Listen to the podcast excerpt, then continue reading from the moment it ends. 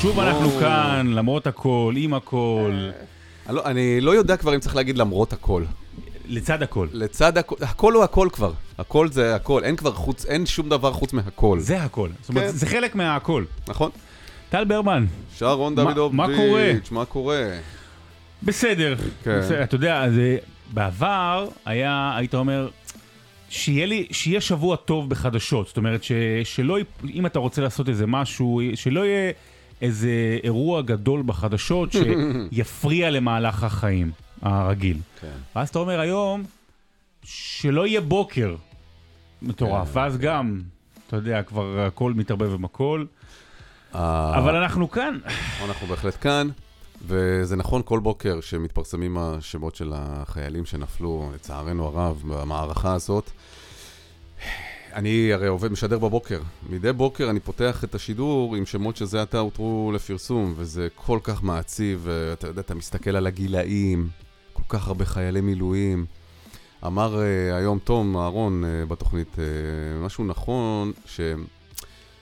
כשזה חיילי מילואים, אז אתה נורא נורא נעצב, כי הם אנשים ש... יש להם משפחות בטח יש להם אולי. משפחות, ואולי ילדים, ופתאום ככה השאירו כזה חלל גדול.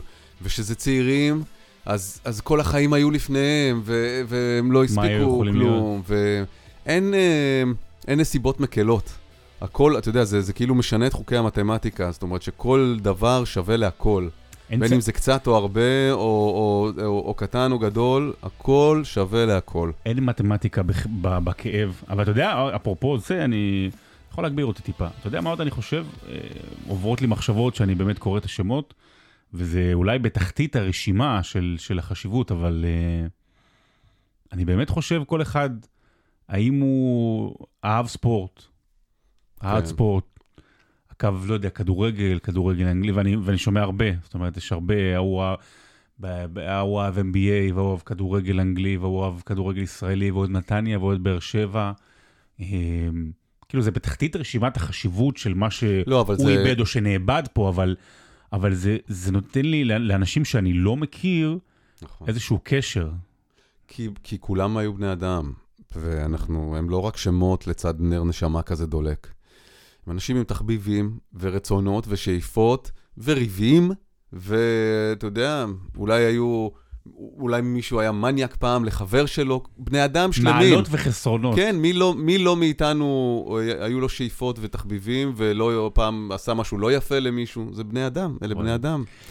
וגם אהדו ספורט ואהבו ספורט, אין לי, אין לי ספק שהרבה מאוד מהם.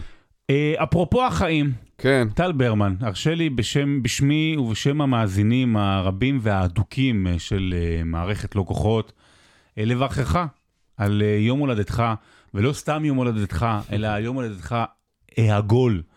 אה, 50 במספר, חגגת יום שני האחרון, אז מזל טוב. תודה רבה, תודה רבה. איך חגגת? בצנעה. בצנעה, בצורה משפחתית אינטימית. אבל זה הרבה ממתקים בסלון. כן, ו- והיו מתנות שוות? כן, האמת שכן. מה, תן לי, תן לי אחת. אני לא רוצה. לא רוצה, אז תן לי, אני אתן לך מתנה אחת אחרונה. שלא קיבלת. לא! אה, אמרתי... שולף פה שקית. סכין, הנה, תשמעו את הרעש. אה, זה, והיית. לפני שנה בדיוק, איפה היית? בקטאר. בקטאר, היום זה היה חצי גמר השני של צרפת מרוקו, אתמול כן. היה ארגנטינה. אז בבקשה, יואו! חולצה. של מסי, יואו! קמי, רבובו, במידה שלך, אני יודע שהתעצבנת פעם שנתתי לך מדיום, אבל זה לארג', נכון. שחורה, גם. איכותית, 100% כותנה. איזה פינוק. תקשיב, אני אוהב את החולצות שלך מאוד. תודה רבה, ו... הבן שלי לוקח לי אותן. אה. הוא כבר הלאים את הדרימטים ואת המרדונה. זה אצלו כבר בארון קבוע. אז- הנה, כן? זה שלך. קמי רבו. מזלי. שהוא בקורס קצינים, הוא חוזר רק עוד שבועיים, אז יש לי שבועיים ללבוש את החולצה. אה, אז מזל טוב, באמת, באמת. אה, ואתה יודע מה, אני אגיד, אני אגיד משהו קטן וזה, עשית, באמת, טפו טפו, עשית הרבה דברים, ודברים פה ושם, ו- ותעשה עוד הרבה דברים, ווואלה, כיף לי, ואני חושב שגם כיף לנו הדבר הקטן הזה ש- שעושים. בצד, הספורט הקטן הזה בתוך הבית. משהו עשיתי, אינטימי כזה. עשיתי באמת הרבה דברים, אני חושב ששידרתי תוכניות טלוויזיה באמת בכל ערוץ קיים. בכל אה, עשור בערך, לא? ובתחנות רדיו שונות, אבל אה, כזה פשן פרויקט כמו הפודקאסט הזה, הוא לא היה לי. יהלום קטן, אפס הכנסות, מה זה אפס? זה מינוס. מינוס הכנסות, זה רק עלויות. אתה יודע- לגמרי. אתם יודעים מה עשיתי היום? היום, אה, יש ילדים בחנוכה. נסעתי מהוד השרון לשים את הילדים אצל אימא ברחובות. ואז חזרתי לתל אביב, אני חוזר לרחובות, לוקח אותם חזרה להוד השרון. כן. זה, זה, אני אחר כך אבל נעשה את זה לרואה חשבון, נוציא הוצאות. יוצאים לדרך? יאללה, תודה, תודה רבה.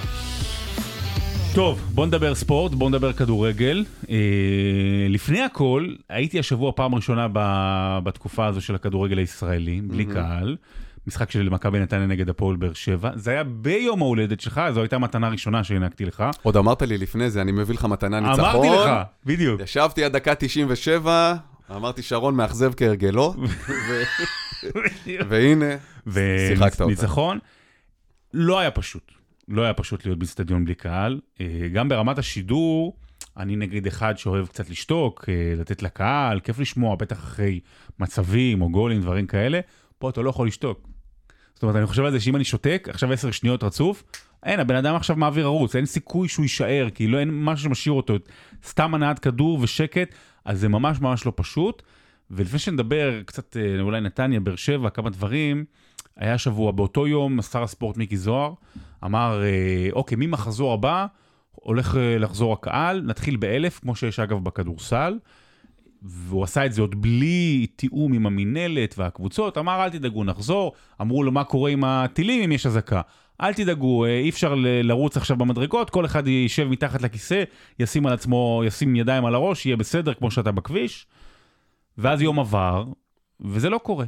ולמה זה לא קורה? כי הקבוצות לא רוצות. עכשיו, ככותרת זה נשמע רע, אבל uh, כשנכנסים פנימה, אני אגיד למה ואתה תגיד לי מה אתה חושב. הן אומרות ככה, אלף זה לא כלכלי לנו. זה גם לא אלף. זה לא אלף. זה, זה אפילו זה פחות מאלף, כי זה, זה אלף, חצי. אלף שיהיה טוטל באצטדיון. באצטדיון יש לך את הקבוצות והסגלים שלהם, ואנשי צוות וצוותי אבטחה וזה. מדובר על, במקרה הטוב, 600. אולי 600-700 פלוס כן. מינוס, ואז אתה אומר לעצמך, א', זה לא כלכלי לי, מבחינת מה שאני צריך לסדר. אז רגע כועסים, אבל קהל זה מעל הכל. זה דבר ראשון. דבר שני, בטח בקבוצות הגדולות, את מי אני מביא? יש לחיפה 20 אלף מנויים, גם למכבי תל אביב, 10,000 או משהו מנויים להפועל תל אביב, הפועל באר שבע. איך, איך בוחרים? אז אומרים, בואו, אז בואו תביאו אה, חבר'ה מהעוטף, שזה טוב, או מהצפון, מפונים. נכון, מי יעשה את זה? מי הלוגיסטיקה של זה? זה גם עלויות. אז כרגע זה נפל ולא יהיה לקהל. כן. זה הגיוני מאוד, מה אני אגיד לך? אני מבין את הקבוצות לגמרי. היינו שמחים לראות אנשים ביציע, כמו שאתה אומר, לשמוע. זה באמת נשמע כמו משחק אימון. למרות שבשידורים של ערוץ הספורט, להבדיל מהשידורים של צ'רלטון, מוסיפים פסקול של קהל. הם למדו את זה עוד בקורונה. אני אגיד לך למה. זה כן קצת משדרג את האווירה של המשחק, ומכניס אותך פנימה, אה, יושבים על, עם, עם סאונדים, אתה יודע, עם כפתורים כאלה, אכזבה, גול, מחיאות כפיים, כזה, בוז. היה אצלנו דיון על זה. כן. אה, והעורך שלנו אומר, אה, לא מרגיש לי בנוח לשים קהל. מהמם, כשאי אפשר שאוהדים יהיו, כשיש חיילים ב- ב- כן. ב- ב- בקו עכשיו, אז כאילו הוא אומר, מה שהוא אומר, שזה זה לא, יהיה- זה לא יהיה מתאים עכשיו. זה החלטה לגיטימית לכך או כך, אני חושב. כי גם בערוץ הספורט הם לא עושים את זה עכשיו, כאילו זה, אתה יודע, יציאים מפוצצים. זה ברקע, ברקע, זאת אומרת, אפילו מבחינת הבלנס של, ה, של המיקס של השידור, אז זה ברקע, פסקול, לדעתי זה קצת כן מוסיף, גם יודעים אפילו שזה פייק, אתה יודע, כן. זה כמו, לא רוצה להשוות את זה לתעשיות אה, מלוכלכות, אבל אה, אתה, יו- אתה יודע שזה פייק, אתה משתף עם זה פעולה. לא שאני אי פעם ראיתי, אבל יש סרטים אמריקאים, עדיין אתה שם דיבוב גרמני. ה- ה- כי זה נשמע הרבה יותר אמין בגרמנית. כן, זה מ- מ- מ- משדרג כזה מלמטה. שוב, אתה יודע שזה לא אמיתי, אתה יודע שאין קהל שם, אתה יודע שזה... אבל אני כן חושב שזה טיפה טוען את החוויה קצת יותר.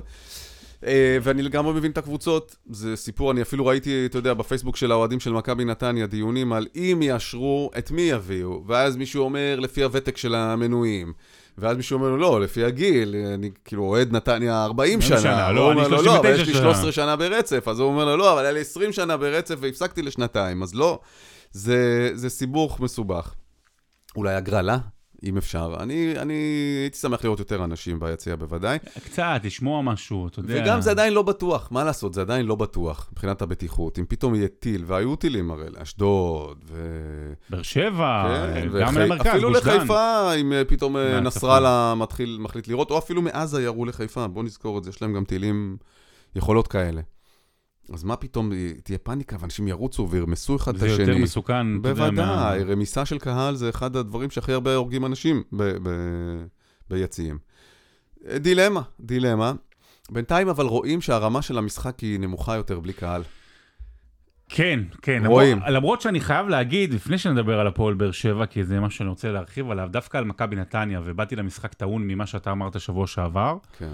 אה, ואני חייב לומר שמכבי נתניה עם קוז'וך, היא באמת לא השיגה את התוצאות, אבל היא כן שיחקה את הכדורגל. לא תמיד, לא או- תמיד, לא היא לפחות תמיד. רצתה, במשחק הזה, במשחק הזה. ובמשחק הזה, כן. ממש שיחקה, נכון. וראית התקפי, וזאת אומרת, ואז אתה אומר וכל לעצמך, אותם שחקנים שבדיוק אמרתי לך שהם אכזבות, ששילמו עליהם הרבה כסף, ורואים את הפערים בין הישראלים של הקבוצות הבינוניות לגדולות, דווקא נצצו פה הפעם. נכון, וגם הספסל נכנס, וכאילו, אני חושב עליך ועל האוהדים של מכבי נתניה, אני אומר, אוקיי, אני מוכן אה, לסבול במרכאות, או להיות עם אה, מרחב של סבלנות, כדי שהקבוצה תראה כמו שהמאמן רוצה, כי אתה רואה פה איזושהי דרך או איזושהי מחשבה.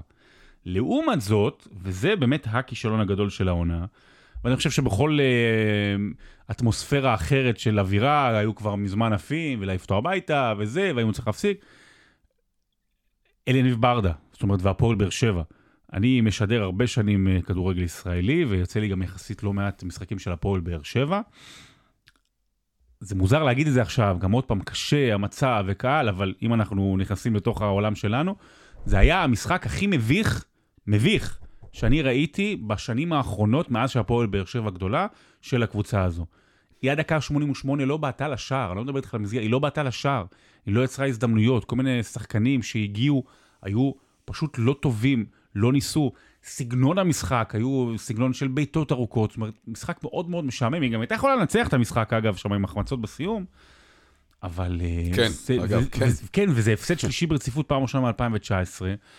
אתה יודע, ואליניב ברדה הוא אדם מאוד מאוד חיובי, הוא דמות מאוד מאוד חיובית, הוא דמות שאתה רוצה שתהיה בכדורגל, הוא דמות שמחזקת את הקשר גם לאוהדי באר שבע, הוא דמות שבשנה שעברה, לצד הכדורגל, נלחם במרכאות או שלא במרכאות, טיפה על, על הזהות ועל היחס מצד התקשורת ומצד השופטים, ובאמת היה פה, וחשוב שהוא יהיה.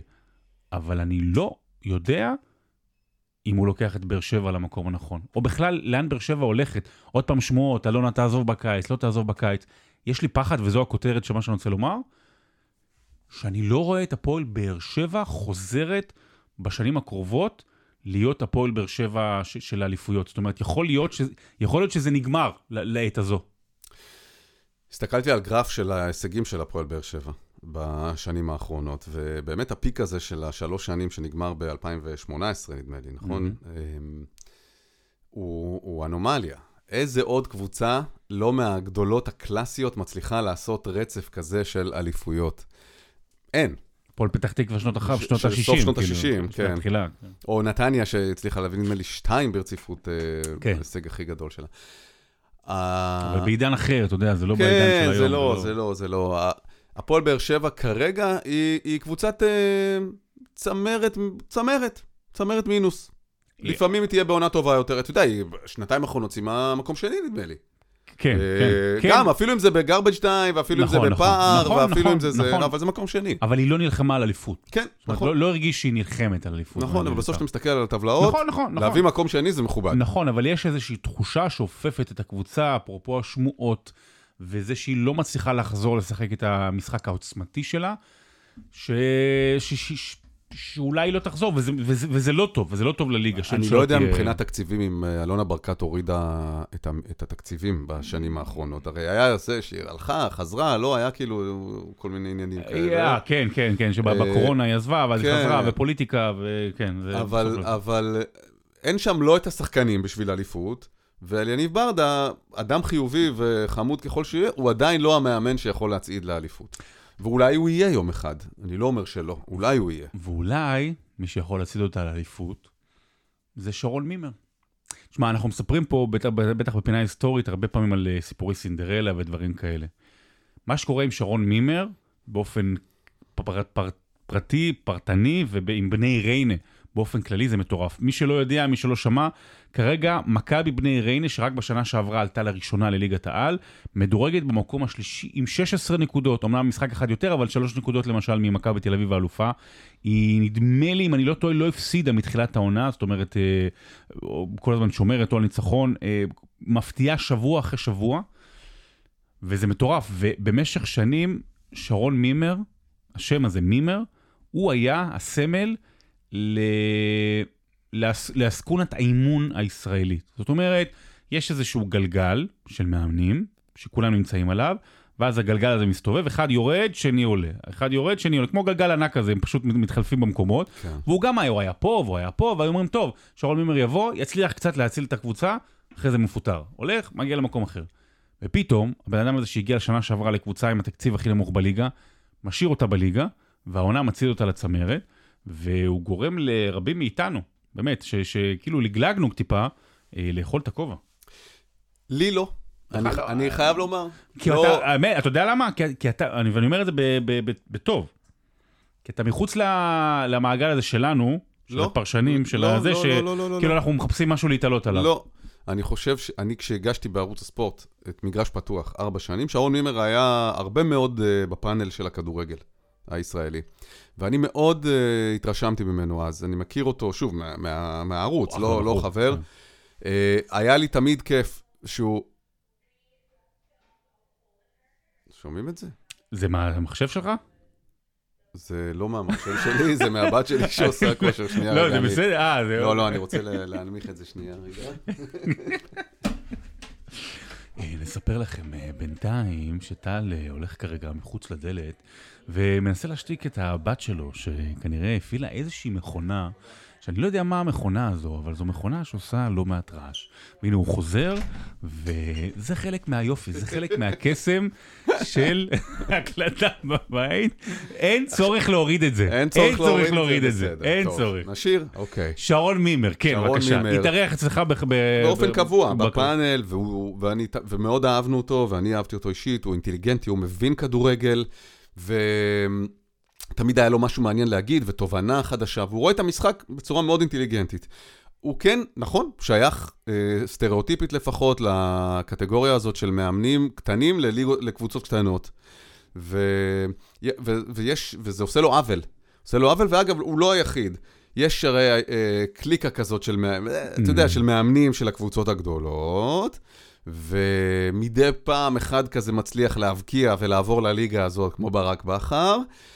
אה, אבל בגדול, מי שכלוא בליגה הלאומית של המאמנים, אז קשה לו מאוד לפרוץ.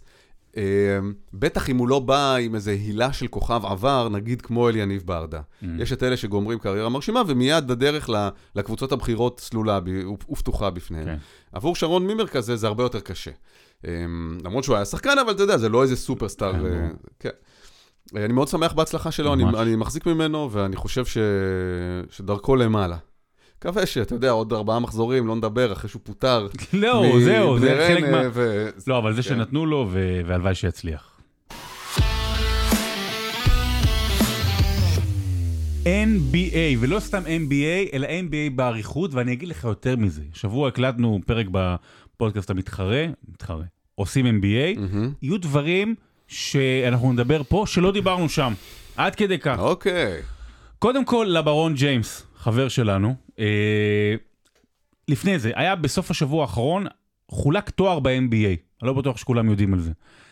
אדם סילבר הוא הקומישיונר של ה-NBA, ואחד הדברים המשמעותיים אצל אדם סילבר ובכלל בעניין הזה של ה-NBA, שהופכים אותה לליגה כל כך פופולרית ברחבי העולם, זו הפתיחות. זו היכולת להבין לפני ליגות אחרות באמריקה את הכוח שיש מסביב לעולם. ואדם סילבר, שהוא פתוח לרעיונות, והוא משנה את זה, והוא עושה פה, והוא מקשיב לשחקנים, ובאמת, היהודי, אחד, ה, אחד המשפיעים ביותר בעולם, אולי הכי, היהודי הכי משפיע בעולם הספורט, הוא אמר, אני אקח משהו מאירופה. אמר, אני אעשה טורניר אמצע שנה. מה זה טורניר אמצע שנה? כמו שיש גביע. כמו שיש נגיד אה, טורניר גביע המלך בספרד, מי שמכיר, שמונה הראשונות ומשחקות אה, במשחק אחד וגביע, או ה final four שאנחנו מכירים מהיורוליג. הוא אמר, אוקיי, כדי להפוך את העונה הזו של 82 משחקים לקצת יותר מעניינת, ואתה אמרת וגם אחרים, טוב, זה לא מעניין, פתאום אה, וושינגטון סופגת 30 הפרש, ההוא עושה 60 נקודות, זה סתם, משחקים. זה לא רחוק מהמציאות, המשחק המקדים הארוך בהיסטוריה קוראים לזה. הוא אמר, בנובמבר אנחנו נעשה משחקים שהם ייחשבו גם לעונה הרגילה, אבל הם יהיו חלק מטורניר, מחולקים לבתים, הראשונות בבתים עולות, ואז יש רבע גמר, חצי גמר וגמר, ונערך טורניר. אז קודם כל הטורניר הזה היה הצלחה יוצאת מגדר הרגיל. גם כי זה- למרות שמבקריו מראש אמרו, מה זה הדבר הזה? אני זה גם, אני גם, כן. חוץ ליגה, זה גביע טוטו. אבל מה זה מבקריו? נכון, זה גביע טוטו, אבל מבקריו זה אוהדי הספורט. אוהדי ספורט זה הקהל הכי קשה בעולם, אנחנו הכי שמרנים שיש. אם, מה עבר, מה היה, או דברים כאלה, לשנות דברים אצלנו זה בלתי אפשרי. אבל וואלה, זה היה טוב, ואתה רואה פתאום שחקנים עומדים על הספסל, ו... עומדים על הספסל הכוונה שאכפת להם ממה שיקרה במשחק. בדיוק, כן, בדיוק. הם לקחו את זה קשה ללב, כן? כמו בפלייאוף. כי בשביל ספורטאים כאלה תואר זה תואר. לא יעזור כלום, הם באים. לנצח בכל משחק. אגב, נתנו להם גם כסף, נכון. מקבלים גם כסף. והגמר, אגב, אתה יודע שהגמר היה המשחק עונה רגילה, שלא בחג המולד, הכי נצפה בעשר שנים האחרונות. וואלה. רייטינג. תגיד רגע, איך זה עובד אבל מבחינת להיספר כמשחקים לעונה הרגילה? הם אומרים ככה, שהם זה, הם בונים את זה מדהים. זאת אומרת, הם, הם מחלקים את ה... לדיוויז'נס, מהמם. כאילו לבתים, ואז יש את המשחקים, וחלק מהמשחקים הם גם נספרים לעונה הרגילה, גם רבע הגמר נספר לעונה הרגילה, ונגיד אתה מתמודד מול קבוצה אחרת, אז הוא יורד לך משחק מתאריך זהו, זה משחק, הבא. משחק עתידי שנגיד היה אמור להיות בהמשך בדיוק, העונה. חצי הגמר גם, והגמר לא. למה? כי הגמר הוא המשחק ה-83. הם אומרים, כי אנחנו, לא- הם אומרים, אנחנו לא יודעים מי יהיה בגמר. זאת אומרת, אני, פה אני יכול כן. להראה, לא יודעים אתה לא מי יודע מי יהיה יהיה בגמר. ברבע ובחצי גם. נכון, אבל בגמר כאילו זה עוד משחק, אומרים זה משחק מספר 83. וואלה, וואלה. אז זה לא נחשב. ובגמר ל- לייקרס ניצחו את אינדיאנה, אה, משחק מאוד מעניין היה. ולברון אמנם לא קלע שם הכי הרבה, אנטוני דייוויס, אבל לברון קיבל את תואר מצטיין הטורניר, כי באמת לכל אורכו הוא מצטיין. ולברון בעוד, אתה בן אה, 50 השבוע חגגת? הוא בעוד, אה, איך אתה בספורט במהלך השבוע? מה אתה עושה ככה? פעיל אה, מאוד. כן, מה, מאוד, רץ קצת? מתאמן אה, שבע פעמים בשבוע. יפה. והוא כן. בעוד אה, שבוע וחצי יהיה בן 39, מהמם. והוא אה, קולע אה, 35, 30 נקודות ללילה. אה, double double, triple double. הוא כרגע, רק כדי שנבין, הוא כרגע, אה, נגיד, אם היו עכשיו מחלקים תארים של העונה, וזה גם מה שחשוב ב-NBA, הוא היה בחמישייה השנייה של העונה. זאת אומרת שלברון ג'יימס, בגיל 39, הוא אחד מעשרת השחקנים הכי טובים בליגה. כן. ויש מלא כישרונות צעירים. אה, וזה קודם כל בלתי רגיל. שמע, הטורניר הזה זה, זאת הברקה שיווקית קודם כל. נכון. בוא נזכור שה-NBA והספורט האמריקאי בכלל זה מכונה של כסף שלא עוצרת שנייה ו- וכל הזמן חושבת איך אפשר למקסם ואיך אפשר לייעל, ובעצם הגאונות של לספור את זה כמשחקים בעונה הרגילה זה הנה, אנחנו לא מוסיפים עומס על השחקנים, אבל אנחנו כאילו שמים סוגריים באמצע. והמשחקים האלה מהנקודה הזאת עד הנקודה הזאת, זה ייספרו לכם ב- ברגיל, רק שנמתג אותם ונשווק אותם אחרת, עם כל המגרשים שהפרקטים שלהם נראה שונה לחלוטין כן. מה... זה, זה הכל שיווק, ולראות בעיניים, שאתה פתאום מסתכל על אותו מגרש, אה, אותו אולם כדורסל, שאתה רגיל לראות אותו בצורה אחת, ופתאום הוא נראה שונה לגמרי, עם כל מיני עיצובים. אה, מוזרים כאלה. ואפילו נדמה לי דני אבדיה גם דיבר על זה, איזה מין דבר מוזר זה לקראת הזה. אה, אה, כולם הסכימו שזאת הברקה ולקחו את זה טוב. אגב, גם לתת ללברון, בין אם היה הכי טוב או לא היה הכי טוב בטורניר הזה, את ה-MVP של הטורניר, זה גם שיווקי. כי זה אומר, הנה, מתחילים פה איזושהי מורשת. אה, וזה מתחיל מלמעלה. שלברון הוא הראשון בה. ואתה רוצה להיות ברשימה של לברון הוא הראשון בה, אתה רוצה להיות שני, שלישי וחמישי. כי אם זה היה סתם איזה נובדי מאיזה קבוצה, אתה יודע, לא יודע מה, טורונטו, אה, ווטאבר, שאנחנו לא מכיר, שרוב כן. הקהל שלנו לא מכיר. אז, אה, אז, אז כאילו זה, זה עושה את זה כבר כאילו נמוך. בדיוק. כן, אתה, אתה ממתג, זה הכל מיתוג, והעיצוב היה בגבוה, והזכיות היו בגבוה, והתארים היו בגבוה, ואז ככה יוצרים מורשת, ככה רוצ, עושים משהו נחשק. בטוח ששנה הבאה זה אפילו יהיה עוד יותר גדול. זהו, כי באמת, אה, אה, ואני רוצה להגיד עוד משהו אחד על לברון, שאגב, הקבוצה, לייקרס, היא, היא זכתה, אבל מה שנקרא, קבוצת גביע טיפוסית. היא, לא, היא לא מספיק טובה לזכות באליפות, בטח ביחס כן. לכישרון שיש היום, בוא נראה איך, איך, איך הם ישתפרו או לא. אבל מה שמשאיר את לברון ג'יימס ככה בגבוה כל כך הרבה זמן, זו, זה אהבה. הכדורסל הציל ללברון ג'יימס את החיים, מי שמכיר את הסיפור שלו. אה, הוא גדל באחת השכונות הכי קשות בארצות הברית, אמא הביאה אותו בגיל 16, בלי אבא, שכונת פשע וסמים. אה, ואתה יודע, יש הרבה טינה ואיבה כלפי לברון, ואני מקבל את זה, זאת אומרת, יש בו משהו בחוסר כריזמה או באישיות שהוא יכול לעצבן אנשים, וזה בסדר, לא צריך לאהוב את כולם, אפרופו גם הדיונים שלנו על ג'וקוביץ'. אבל מי שלא מעריך אותו כדורסל wise, אז או שהוא ממש hater, או שהוא פשוט לא, לא קשור לענף. זאת אומרת, הוא לא, עזוב, זה, זה לא בשבילך, זאת אומרת, כן. כדורסל. אה, וצריך להוריד את הכובע במובן הזה של אהבה. ואהבה, זה לא רק, אוקיי, אני עכשיו בא לשחק, ועכשיו תחשוב טיסות ואוטובוסים, בגיל 39, אחרי שהשגת הכל. זה להתאמן כל יום, וללכת לחדר כושר, ולעשות בגיל 30 אלף ואחד דברים שישמרו את הגוף שלך גם בגיל 39, כמו שאף ספורטאי בהיסטוריה לא שמר את עצמו. לברון ג'יימס הוא האתלט הגדול בהיסטוריה. אתלט ווייז, מבחינת גוף, לא היה אתלט כזה בהיסטוריה. אני מסכים, ואני מוסיף שזה לא רק מאהבה, זה גם מחרדה. במובן של, הוא מאוד מזכיר לי את רונלדו, בשימור הגוף. נכון? אלה אנשים שלא יכולים באמת במבנה של האישיות שלהם, זה לא רק בחיובי, פרחים, שושנים, ורוד, הם לא יכולים לא להיות הכי טובים בכל מקום שהם נמצאים בו, בכל רגע נתון, במשחק הכי חשוב ובמשחק הכי שולי. לא יכולים. אני משוכנע גם שיש לזה מרכיב, אתה יודע, גם רונלדו גדל בסיטואציה מאוד מאוד משפחתית, מאוד קשה. נכון. אה, אנשים שאתה אתה גדל מתוך הכלום, הרבה פעמים זה מוביל אותך להיות כל כך חרד לקיום שלך, שאין אפשרות מלבד להיות הכי טוב. וברגע שאתה אה, לא הכי טוב, אז העולם כאילו מסביבך יכול להתפרק. ואיך נהיים הכי טובים? שומרים על עצמך בצורה סופר מקצוענית, עם משטר של אימונים ומשטר של תזונה, ולא עושים שטויות מסביב. למרות שהשגת כל מה שהשגת, זאת אומרת, זה אף העניין, פעם לא לפ- מספיק. לא לפני לעשות את זה ככה, גם אחרי, זה המחלה הגדולה. אלה אנשים שהוא לעולם לא, גם רונלדו וגם לברון לא יכולים להגיד לעצמם, טוב, הייתי, לקחתי כך וכך ליגת אליפויות, או יורו, או הייתי, NBA, יש לי טבעות, אה, כן. חמש טבעות, ארבע, כן. ארבע טבעות. למייקל יש חמש, לשש. שש, אוקיי, אתה אומר, אני לא, לא מתקדם, מת- מתקדם. הוא מסתפר. יש לי ארבע טבעות, הם לא יכולים, זה, זה, הכל נמחק ברגע שהוא נגמר. ותמיד מההתחלה זה להתחיל מאפס, וזאת מלחמה יום-יום. עוד משהו אחד של NBA, שלא דיבר, לא, לא דובר עליו בכלל, כן. דריימונד גרין. וואו. אוקיי, דריימונד גרין. דריימונד גרין, אה, למי שחלילה לא מכיר, הוא אה, משחקני ה-NBA המוכרים והמשפיעים בעשור האחרון, הוא חלק מהשלד של גולדן סטייט ווריורס, שזכתה בארבע אליפויות, שבאמת הפכה בעשור האחרון לא רק לאחת הקבוצות, לקבוצה אולי הכי טובה של העשור האחרון, אלא לאחת הקבוצות הגדולות בהיסטוריה, עם סטף קרי וקליי תומפסון, ודריימונד גרין הוא המוח, הוא גם הנבלה, במובן הטוב של המילה. זאת אומרת, זה שייתן את המכה ויעשה את העבודה השחורה והפיזית, אבל גם מוח, הוא באמת מוח כדורסל לא רגיל. ולאורך כל הקריירה הוא היה קצת מניאק.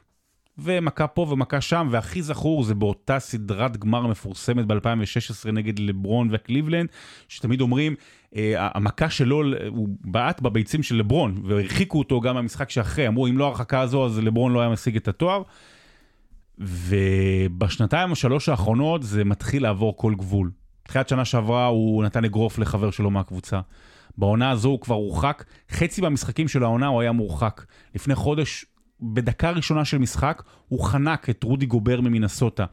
ואתמול, מול אה, נרקיץ', אם אני לא טועה, מפיניקס, סתם, באמת, באמת סתם. זאת אומרת, מילא היית אומר, יש איזה משהו, שומר עליו רגיל, כמו משחק כדורסל רגיל, ופתאום דריימונד גרין מסתובב ונותן את האגרוף שלו, וכרגע הוא מורחק על ידי אותו אדם סילבר, אגב, indefinitely, זאת אומרת, אה, עד להודעה חדשה.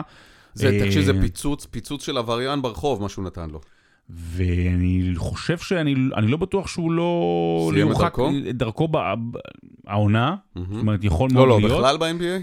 בכלל, אני לא יודע אם בכלל, תשמע, ה-NBA הפכה להיות מקום יותר מדי סטרילי. אנחנו מדברים על טרלול, טרלול, טרלול פרוגרסיבי באוניברסיטאות, יש את זה גם ב-NBA. באותו יום שקרה החבטה הזו של דריימונד גרין, ניקולה יוקיץ', ה-MVP, השחקן הכי טוב כאילו בעולם היום, הורחק על זה שהוא דיבר עם השופט. אולי זרק איזה חצי קללה או משהו, כן. סתם דיבר אליו, לא אמר כלום, הוא הורחק, ואתה מרחיק את השחקן הכי טוב. זאת אומרת, השיפוט הפך להיות היום הרבה יותר מדי נוקשה. אבל דריימונד גרין זה סיפור עצוב, באמת עצוב, כי זה בן אדם, הוא בן אדם, אני, הוא לא בריא בראש. הוא באמת כרגע לא בריא בראש, והליגה, אמרתי לך, אדם סילבר, לדעתי הם הולכים uh, להתמודד עם זה ובאמת להעיף אותו עד סוף העונה. מגיע לו. מגיע לו. מגיע לו. כן.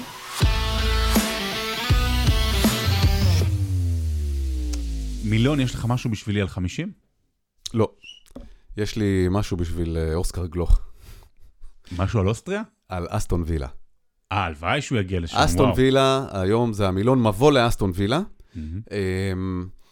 אסטון וילה, הלהיט של הליגה האנגלית, הלהיט של הפרמייר ליג, קבוצה שניצחה בשבועיים האחרונים גם את ארסנל וגם את מנצ'סטר סיטי. מקום שלישי בליגה. מקום שלישי בליגה, שם גם של כדורגל קלאסי, זה קבוצת כדורגל קלאסית כזאת, מהלב של הכדורגל אלופת האנגלי. אירופה ב-82. אז למה אתה מקלקל לי את המילון? אה, אתה עושה עליה? שוב אתה עושה את הדבר אתה הזה. עושה עליה? אה, אז אני שותק, רגע. המילון לא- שלנו להיום הוא אסטון וילה. יש. אמ, אז כמובן, היא הלהיט של השבועות האחרונים, בכלל של העונה הזאת, עם המאמן אה, אונאי אמרי, המאמן שלנצח ייזכר לו הרמונטדה מול אה, ברצלונה, שהוא אימן את פריז. נכון. אמ, והוא כזה מלך הליגה האירופאית, נכון, אה, זכה ארבע פעמים. כן? אה, עם סביליה, נדמה לי. סיבילי עם שלוש, ואז גם עם ויה ריאל. אוקיי. אה, בקיצור, אז אבל אסטון... אני שותק, אני לא, לא לא, רוצה- לא להרוס. אני. אפנה, תענה אוקיי, כשאני. פונה אליך.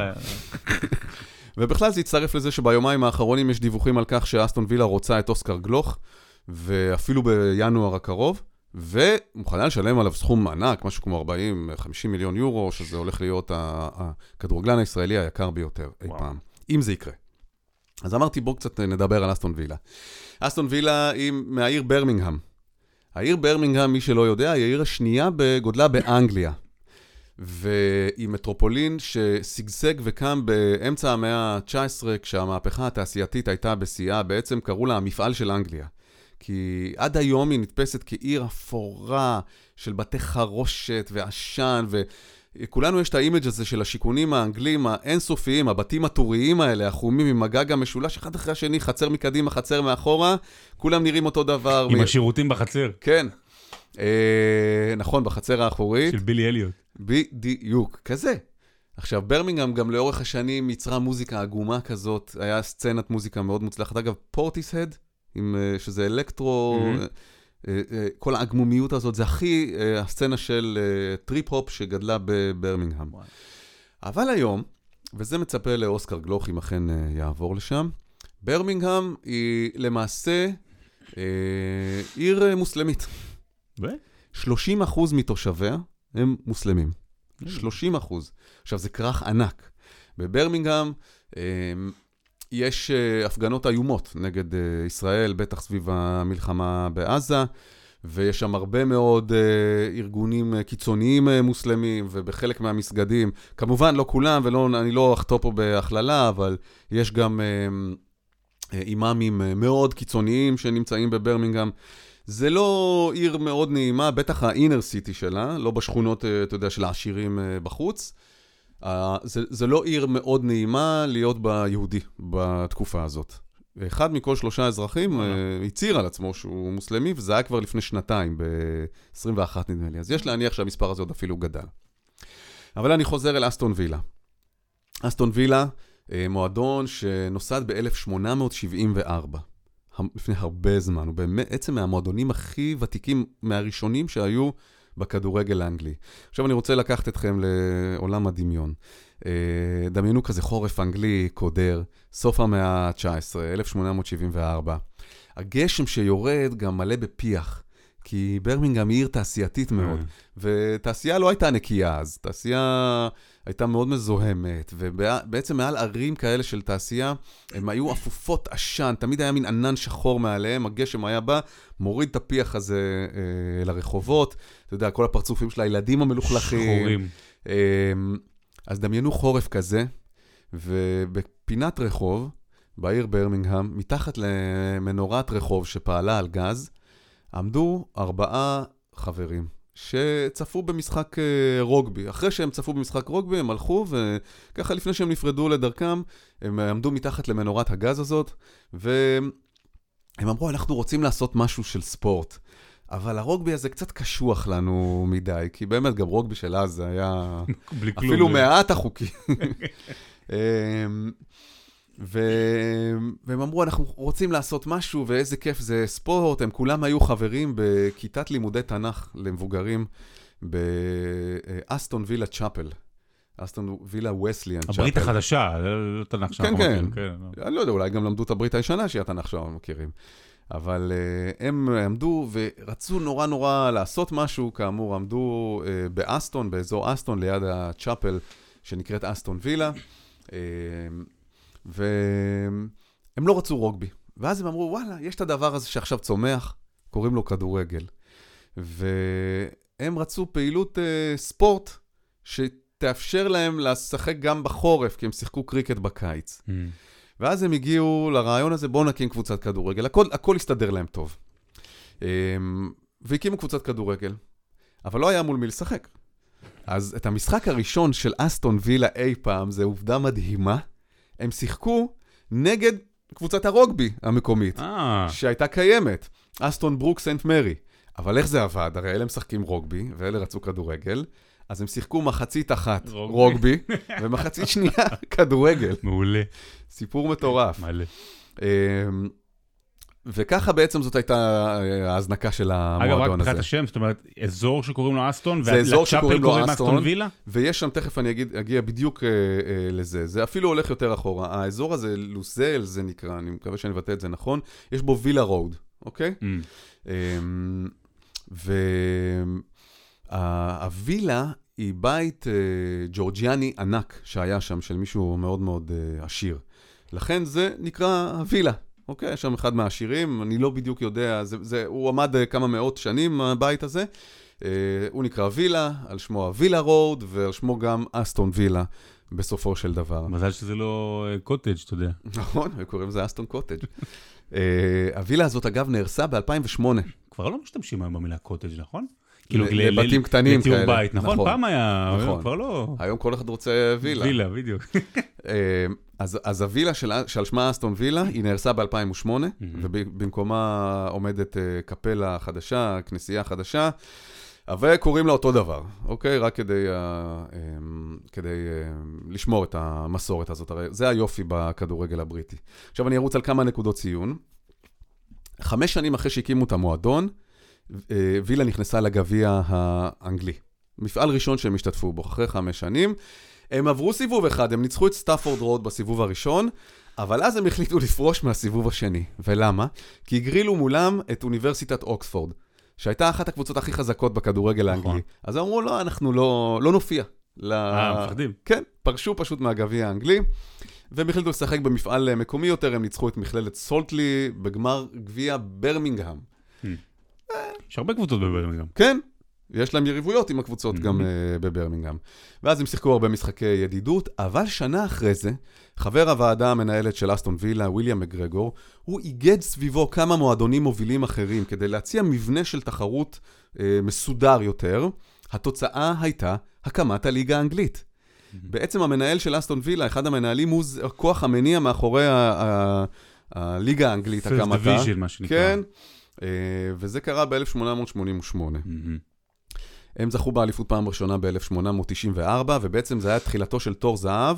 הם זכו ארבע פעמים נוספות, ב-896, 7, 9 ו-1900. אחרי זה היו להם כמה גביעים, אבל אז הם הפכו להיות מין קבוצה כזאת מדשדשת עם פיקים קטנים. למשל, ב-1930 הם סיימו עם שיא אנגלי של 100, 128 שערים שהם כבלו, כבשו, אבל לא לקחו אליפות. ארסנל לקחו אליפות. פעם ראשונה ב-1934 הם מינו מאמן אה, מקצוען. פעם ראשונה. אה, מקצוען. שמשלמים לו, כן. כן. פוטר אחרי 11 משחקים? לא הביא את התוצאות. מימר לא. מימר מונה אחריו.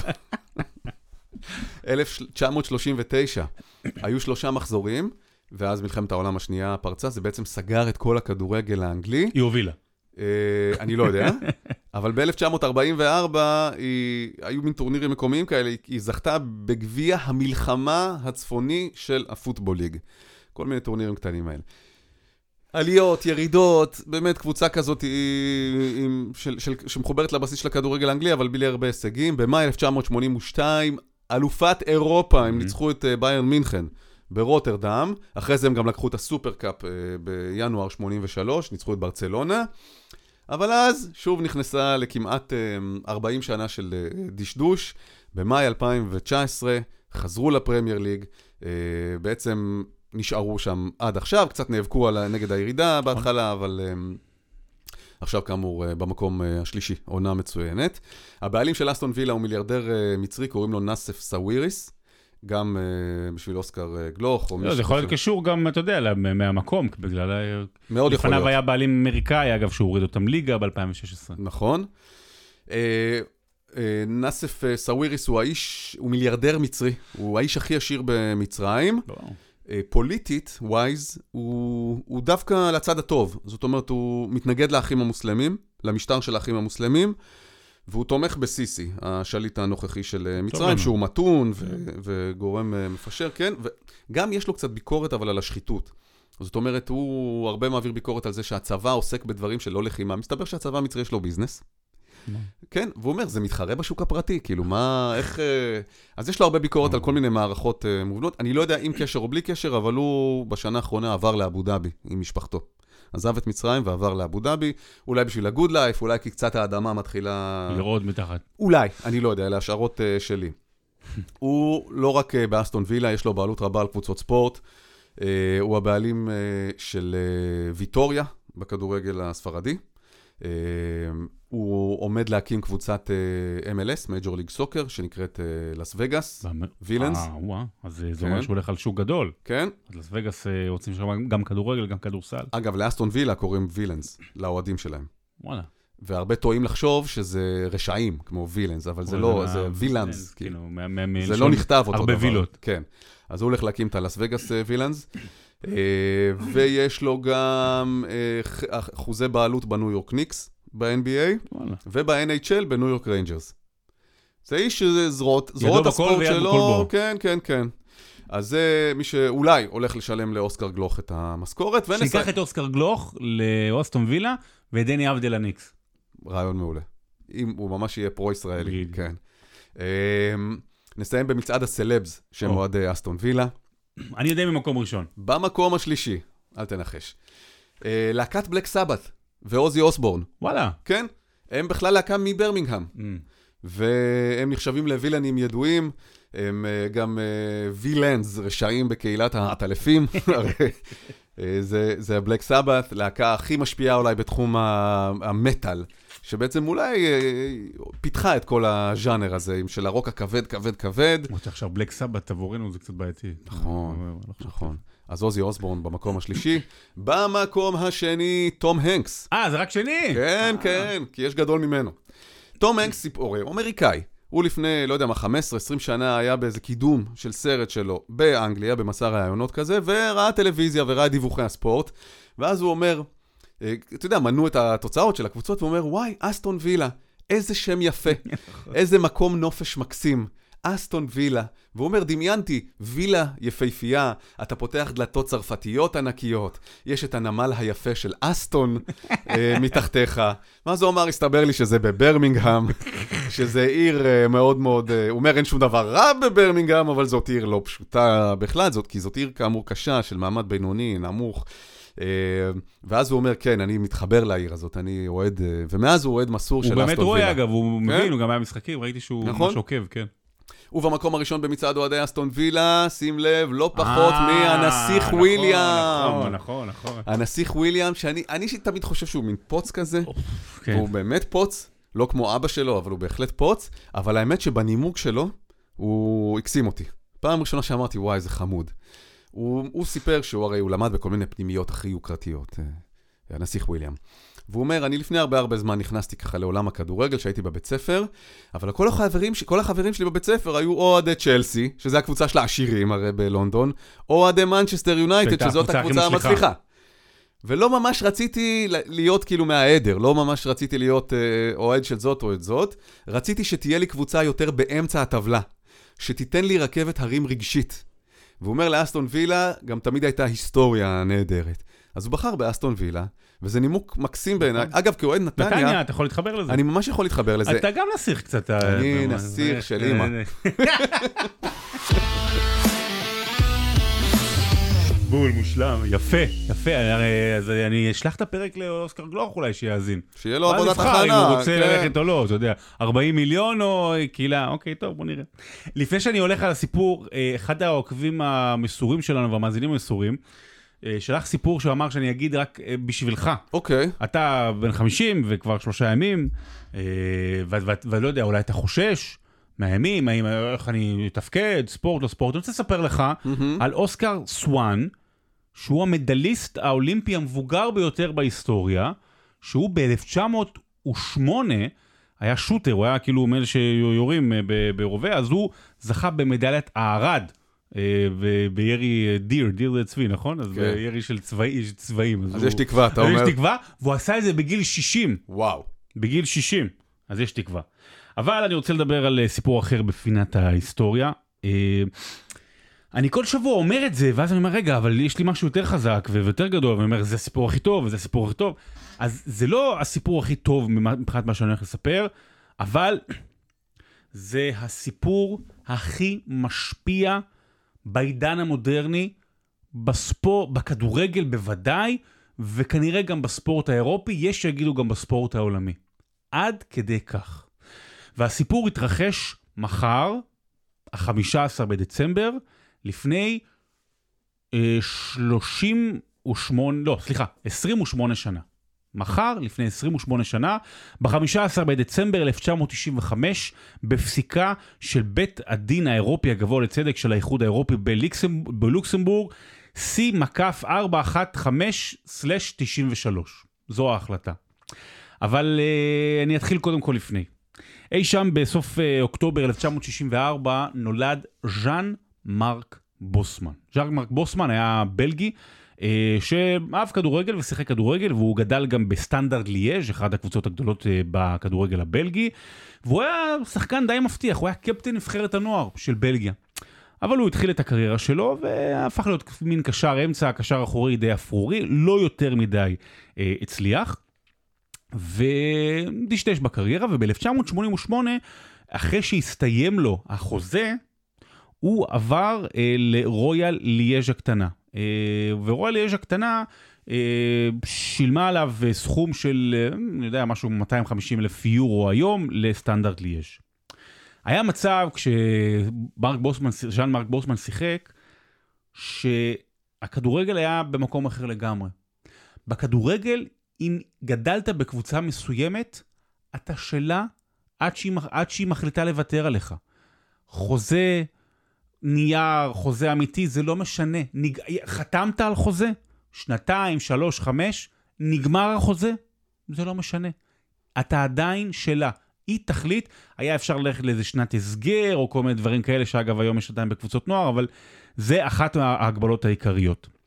ובשנת 1990, אחרי שהסתיים החוזה שלו ברויאל ליאז', שרויאל ליאז' זה סוג של ביתר תל אביב כזה, של בתוך ליאז', קבוצת דנקרק מצרפת, שאנחנו מכירים אותה יותר מהמלחמה, מצפון צרפת, רצתה אותו לקבוצה שלה. וסטנדרט ליאז', סליחה, רויאל ליאז' אמרה, בסדר, יגמר לו החוזה. אמרה, בסדר, אבל תשלמו. כמה תשלמו? פי ארבעה ממה שאנחנו שילמנו לסטנדרט ליאז'. למה? סתם, ככה. וזה היה יכול להסתיים שם. הסיפור הזה יכול היה להסתיים שם ולא היינו יודעים עליו בכלל. אבל רויאל ליאז' לקחה צעד אחד קדימה.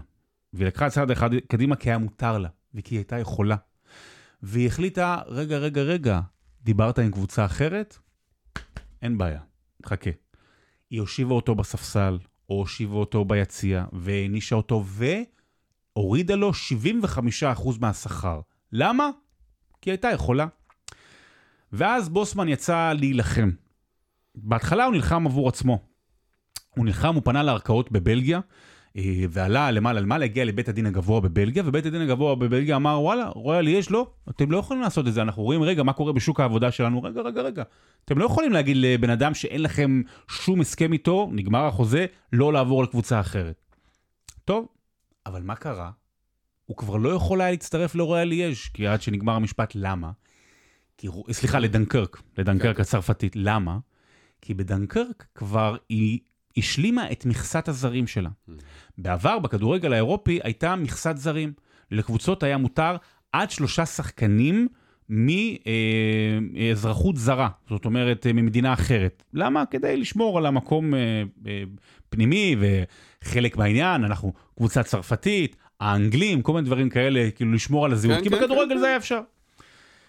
ואז אמר אה, ז'אן מרק בוסמן, אני אצא למלחמה לא בשבילי, אלא בשביל, הכד... בשביל הכדורגל. ואז הוא התחיל לפנות אה, ל- לערכאות בינלאומיות. הוא הגיע לבית הדין אה, בהאג גם כמובן, וכאמור בית הדין הגבוה לצדק אה, בבלגיה. והוא אמר, רגע, משהו פה, משהו לא בסדר, משהו לא, לא יכול להיות שהאיחוד האירופי כל כולו פתוח, זה היה בדיוק שנים לפני שפותחים בכלל את הגבולות. אם היית עובד מחשבים ב, אה, בצרפת, אף אחד לא היה מונע ממך לעבור להיות עובד מחשבים בהולנד. אמנת רומא מתחילת שנות, הש... סוף שנות ה-50, שבעצם קבע את התהליך שהגיע למה שאנחנו רואים היום, קבע שבעצם האיחוד האירופי זו מדינה אחת גדולה, וכל אחד יכול לעבוד איפה שהוא רוצה, אבל לא. בכדורגל אמרו לו, למה? כי בכדורגל אנחנו חיים בסרט, אנחנו חיים באיזושהי רומנטיקה, אנחנו אומרים, אה, רגע, רגע, רגע, לא, הוא של הקבוצה. ואתה יודע, אנחנו מסתכלים היום על שחקנים מפעם, והקבוצה שאתה אוהד מכבי נתניה משנות ה-80 ודברים כאלה, אומרים, אה, איך הייתה זהות לסמל? בולשיט. הם פשוט לא היו יכולים לעבור. אני לא אומר, יכול להיות שהם יותר טובים, פחות טובים. הם לא היו יכולים לעבור, אם הם היו יכולים לעבור, הם היו עוברים. לא, היה גם ערך ל- למחלקת נוער, שכונה, שמגדל את השחקנים הבוגרים שלה. יש לזה ערך, יש כן? לזה ערך, וגם כן. יש לזה ערך עד היום, והיום הוא הפך להיות משהו אחר, תכף אני אגיע לזה. ואז הוא מגיע לבית הדין, אה, לבית הדין הגבוה לצדק, וב-15 בדצמבר, בפסק דין שהכדורגל העולמי חשש ממנו, והיה רעש עצום, עצום, עצום, מגיע חוק בוסמן. וחוק בוסמן למעשה מחולק אה, בפסקה אחת, בפסקה 94, לשני סעיפים קריטיים. אחד, שחקנים יוכלו לעבור לקבוצות אחרות ללא מגבלות וללא פיצוי מיד בתום חוזיהם. שתיים, הגבלת הזרים בכדורגל האירופי, אשר עמדה על שלושה לקבוצה, פלוס אגב שניים שהגיעו מגיל נוער, הוסרה לחלוטין. כעת שחקנים מהאיחוד האירופי יוכלו לשחק בקבוצות מהאיחוד ללא שום חסם. מי שמעל גיל 35 ראה עד אז, והשנים הקטנות שיבואו אחרי, כדורגל בצורה אחת, והכדורגל היום הוא אחר לגמרי. בזכות ז'אן מרק בוסמן, ואני עוצר פה ואני אומר, לנו, לחבר'ה הקצת יותר מבוגרים, המילה בוסמן היא מילה שלילית. אנחנו זוכרים, בטח בשנים הראשונות, בוסמן, בוסמן הרס את הכדורגל. בוסמן היה זה שרגע, בגללו אין יותר זהות. ועכשיו אה, שחקנים מבקשים הרבה כסף, ויש סוכנים, ופתאום קבוצה כמו אייקס של פעם, מתי נגמר העידן הישן של הכדורגל? מתי הד- הדור הישן נגמר בכדורגל? כשאייקס... עם חבורה של שמונה הולנדים, רובם בני 18 עד 24, ולואי ונחל המאמן, זוכה באליפות אירופה 1996, מנצחת בגמר, אה, סליחה, 95, מנצחת בגמר את מילאן הגדולה. שם זה נגמר. כי הכדורגל השתנה, כי פתאום לוקחים קבוצות ומרוקנים את הליגה ההולנדית, ומרוקנים את הליגה הפורטוגלית, והנה עכשיו אתה רואה מה קורה בפרמייר ליג, וכל הכסף הגדול, מגיעים ל-100 ו-200 מיליון, ובוסמן במשך המון המון שנים היה שם שלילי, סליחה, שם שלילי. אבל, וזה אני אומר אה, באמת מהלב, אחד הדברים הכי חשובים שאני כתבתי בחיים, היה על ז'אן מורג בוסמן. בספר הגדול דשא, עשינו רשימה של אה, חמשת הדברים הכי משפיעים בדור האחרון. וכמובן שחוק בוסמן הוא מקום ראשון. וממש הקדשתי לו פרק שלם, וזה המילים שאיתם סיימתי, את הפרק שאיתם סיימתי את, את הדור הזה, זאת אומרת שהוא השפיע יותר מכל. אנחנו היום מדברים על זכויות אדם, ועל זכויות עובדים ודברים כאלה, ואומרים, טוב, בכדורגל אבל לא צריך את זה, אנחנו, יותר חשוב לנו כן. הסמל. ז'אן מרק בוסמן הוא המרטין לותר קינג של הכדורגל. הוא גרם לכך שהכסף לא יהיה רק אצל הבעלים, אלא גם אצל השחקנים שהם בסופו של דבר הדבר הכי חשוב. הוא גרם לכך ששחקנים יקבלו כמו, כמו התפוקה שהם נותנים והפרסום והאהדה שיש כלפיהם. הוא גרם לכך שמישהו בליגה השנייה בבוליביה יכול לחלום, הוא יכול לשאוף להיות יום אחד בקבוצה גדולה, הרי פעם זה היה רק שלושה, אם לא היית בטופ של הטופ של הטופ, לא היית יכול להגיע. הוא גרם לנו לחש... להאמין שמישהו מישראל גם יוכל לשחק אולי במקום אחר. זה, זה, סליחה שאני עוצר את הנאום, חוק בוסמן הוא אחד הדברים ששדרגו את הכדורגל הישראלי, כי כרגע, כי, כי בעצם זרים נחשבים, ישראלים נחשבים זרים. זרים, אבל אבל ברגע שאירופאים לא. לא זרים, אז זה פתח את השערים בשביל, עבור הכדורגלן הישראלי באירופה. אבל אני אגיד יותר מזה. בלי ז'אן מרק בוסמן, אין את מנצ'סטר יונייטד של 99, ששמונה זרים שם זכו בגמר. Mm-hmm. בלי ז'אן מרק בוסמן, אין את ברצלונה הגדולה של פפ גוורדיולה. אין, לא, לא, אין את רמת הכדורגל הזו. בלי ז'אן מרק בוסמן, אין את מנצ'סטר סיטי שאנחנו רואים היום.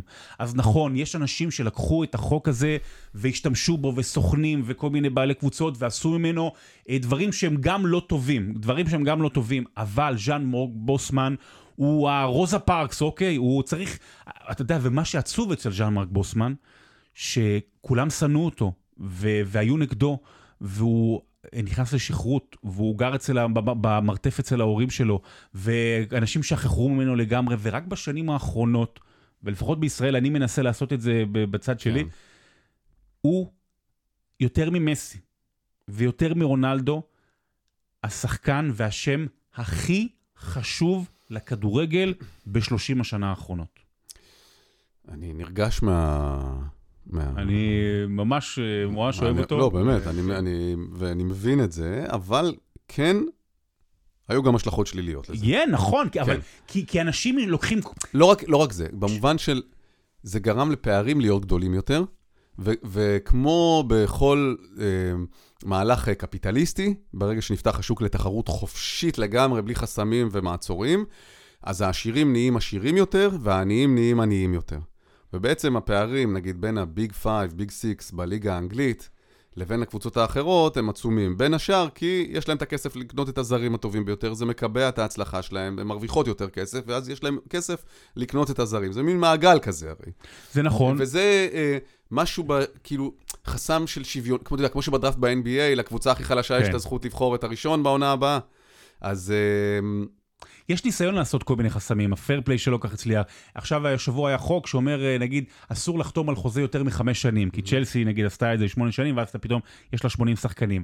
שוב, ז'אן מרק בוסמן התיר את הכוח. יש אנשים שלקחו את זה למקומות שליליים, אבל ספציפית, ז'אן מרק mm-hmm. בוסמן הוא בא ובעצם לחם על החופש של אנשים, של, של הפרט. אני לא מדבר רק על הכוכבים שמרוויחים בזכותו היום 400 ו-500 אלף פאונד בשבוע, על סתם, על, על בן אדם שרוצה לעבור היום, אגב, זה גם מגיע חלק מהחוקים כמובן ישראל, מישהו שרוצה לעבור מהפועל כפר סבא להפועל חדרה, בסוף החוזה, בזכות ז'אן מרק בוסמן יכול לעשות את זה. נכון.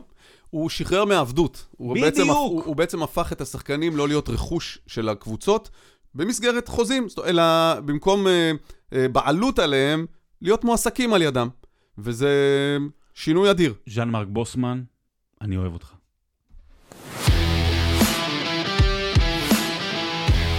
באמת, זה נושא לפרק, זאת אומרת, אפשר, אפשר פרק שלם על זה, זה ממש, אה, זה, זה, זה, זה, זה נושא שהוא קריטי, ואני, מה שחשוב לי להגיד... יאללה, נו, תעשה ספיישל בוסמן. נעשה, נעשה את זה כן. כשיש 30 שנה. סבבה. טוב, שרון, סיימנו. אה, מזל טוב. תודה רבה, תודה על המתנה. אמן. ושיהיה שקט. שבוע הבא. רביעי? יש משהו בסוף שבוע מעניין? ליגה אנגלית. אה, משהו מעניין? כדורגל, יש כדורגל גם אמצע שבוע, משהו גדול. אה, יש ליברפול יונייטד ביום ראשון. אה, ראשון. ראשון. אוקיי, שבת? שבת... נתניה נגד מישהו, זה אולי הדבר הכי מעניין. לא, אין לא, נתניה בשבת. משהו גדול, לא, לא זה משהו גדול, לא. אני אוקיי. משדר חגיגה אנגלית, מה אכפת לי? אה, זה כיף חגיגה אנגלית. כן. יאללה, נתראה. ביי.